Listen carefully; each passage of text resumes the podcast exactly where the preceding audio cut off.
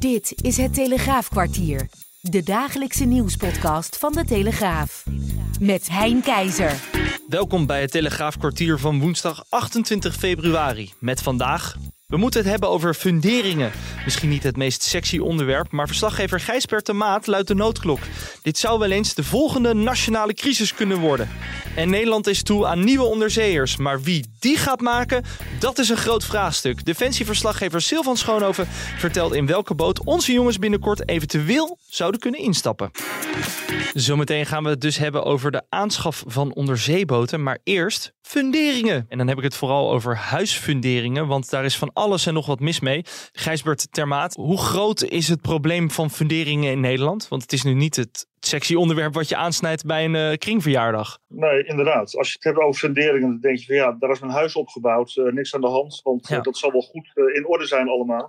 Maar niets is minder waar. Uh, steeds meer woningen in ons land verzakken en uh, vertonen daardoor ook grote scheuren. En ja, dat uh, leidt tot gigantische problemen. Nou, als je weet dat bijvoorbeeld in, in Nederland heb je een kenniscentrum aanpak funderingsproblematiek, want zover zijn we al gekomen. Ja. En die schat dat in de komende jaren tussen de 750.000 en 1,2 miljoen panden die gebouwd zijn voor 1970 daarmee te maken gaan krijgen. En uh, ja, dat betekent voor veel huiseigenaren een gigantisch grote financiële ramp.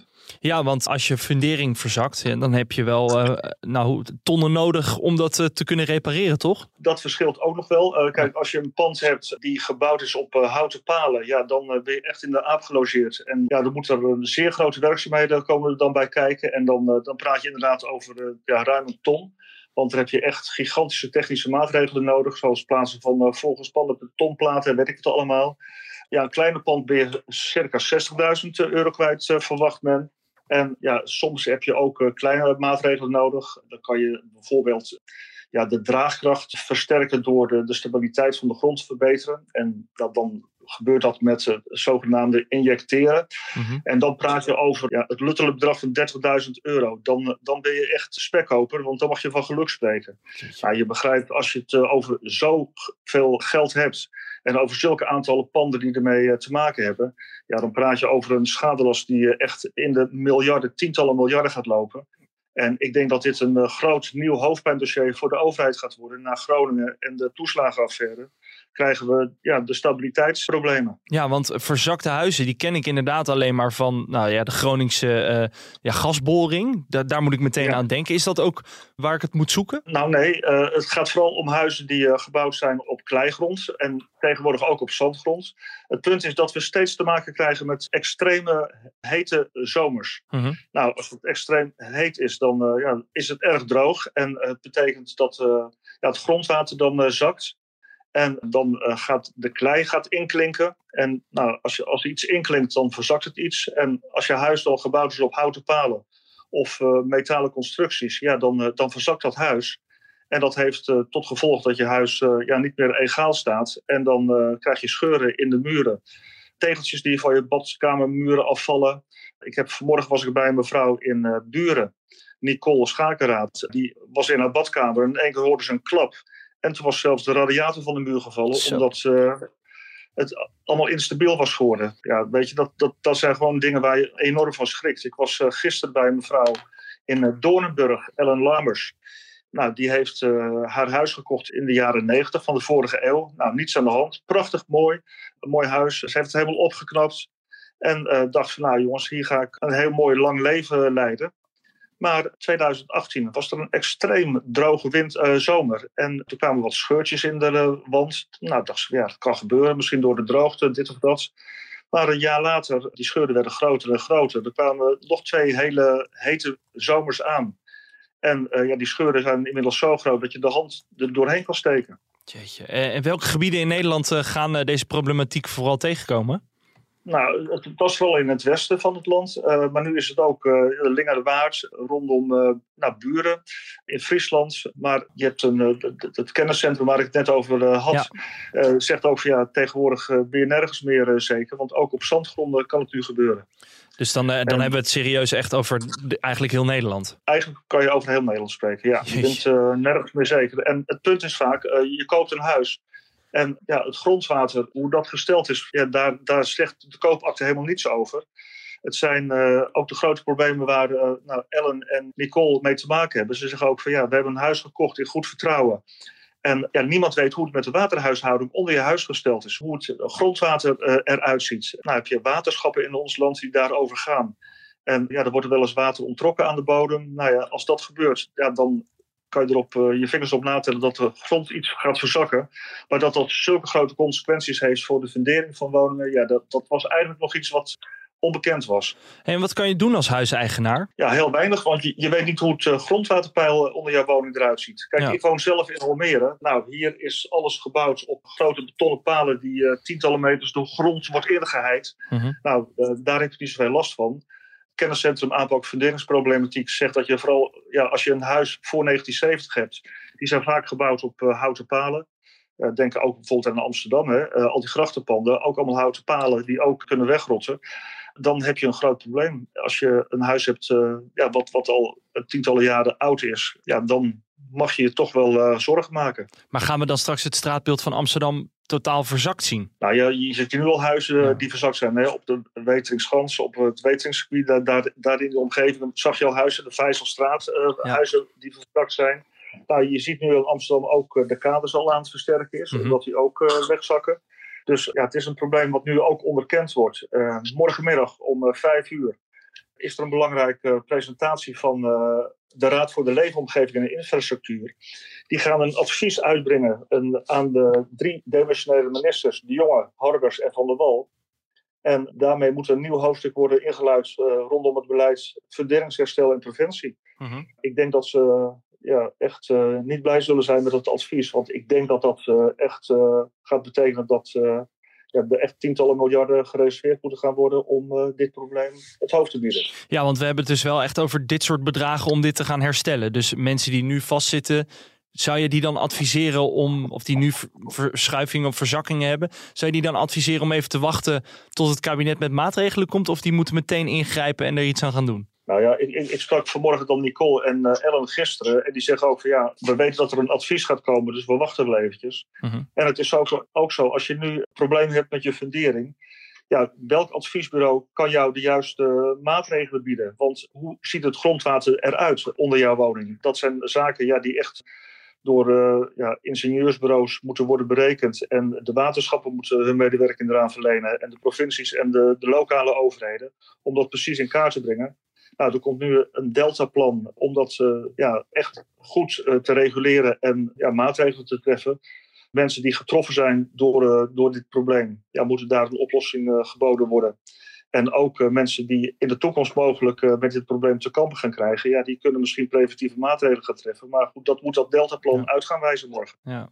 ja, en anders gewoon huis kopen in Almere. Dat maakt niemand je wat. Ja, precies. Want het is hier hartstikke gezellig. We hebben een leuke voetbalclub tegenwoordig. Dus uh, welkom hier. Ja, ja. Nou, is goed om te weten. Gijsbert de Maat, hartstikke bedankt. En uh, wordt ongetwijfeld vervolgd. Silvan, de kans is groot dat Nederland het zwaarste wapen van zijn krijgsmacht, de onderzeeboot in Frankrijk, gaat bestellen. Waarom Frankrijk? Ja, dat is de uitkomst, of dat is in elk geval waar de uitkomst naartoe gaat, van een al heel lang lopend proces. Nederland is al tien jaar bezig met de vervanging van de aloude walrusonderzeeërs. Die, eh, dat, dat waren roemruchte onderzeeboten die sinds de jaren negentig rondvaren. Die waren heel hoog van kwaliteit. Hadden we ook in eigen land gebouwd. Dus het was echt Nederlands trots. Nu staan we voor de keus, hoe gaan we die dingen vervangen? Want die zijn echt helemaal aan het eind van hun levensduur. Die kunnen nog een paar jaar mee. Er zijn er al het is al één uit de vaart genomen. Uh, er is één in reserveonderdelen. Dus die loopt echt op zijn allerlaatste benen. Ze hadden er eigenlijk al moeten zijn, die vervangers van die walrus. Ja. Maar ja, door allerlei overleg en procedures en nog weer, nog weer nadenken. Daarom zijn we nu al tien jaar bezig. En ja, is er voorlopig nog geen nieuwe boot. Wel hebben we drie werven die in de race zijn om die boot te gaan bouwen. Ja. Die hebben een offerte ingediend en die zijn gekomen met hun hun aanbieding. En de afgelopen maanden heeft een, heeft een projectteam heeft zich helemaal daarover gebogen en gekeken van wat is nou de beste aanbieding. Nou, half maart wordt dat bekend, officieel. Mhm. Maar ja, wij hebben al van insiders gehoord van joh, die Fransen die hebben gewoon een messcherpe aanbieding ingediend. Die is gewoon veel goedkoper. En dat is toch nog een hele, hele prima boot. Ja. Dus de kans dat hier het wordt is gewoon heel groot. Ja, want de Walrus, de onderzeeër die we dus eerst hadden, die is in Nederland gebouwd. Waarom gaan we niet gewoon weer in Nederland bouwen? Ja, nou, dat is e- ook een van de opties. Want mhm. ik, ik zei van, er zijn drie werven in de running. Dat is een Duitse werf, TKMS, een Franse en een Zweedse. Maar die Zweedse werf, die prijst zijn product eigenlijk heel erg aan als een Nederlands product. Want die werkt namelijk samen met de Nederlandse werf Damen. Mhm. Dus Samen Damen, die combinatie, die bouwen een oranje boot, zoals ze het zelf noemen. Dat is een, nou ja, zeker voor minstens de helft, maar nog een stuk meer Nederlandse boot, die dus deels in Zweden, deels in Nederland wordt gebouwd. Dus dat is het dichtst wat we daarbij in de buurt kunnen komen van een, van een Nederlandse boot. Dus dat is de favoriet bij ja, heel veel mensen vanuit de Nederlandse scheepsbouw. En ook bij de marine zijn ze altijd erg, uh, erg dol op damen. Mm En uh, waardoor, waardoor komt dat dan? Omdat dat, is dat dan chauvinisme? Of eh, is dat gewoon, het is dicht bij huis, dus we weten wat ermee gebeurt? Nou, dat is, dat is misschien een beetje chauvinisme. Maar dat is ook gewoon rekenen. Want ja, je wil natuurlijk dat industrie in Nederland blijft. Ah, omdat dat werkgelegenheid aanlevert. Maar ook dat je daarmee de kennis op dit gebied behoudt voor je land. Dus dat is ook een argument om te zeggen van we willen die boot zoveel mogelijk Nederlands hebben.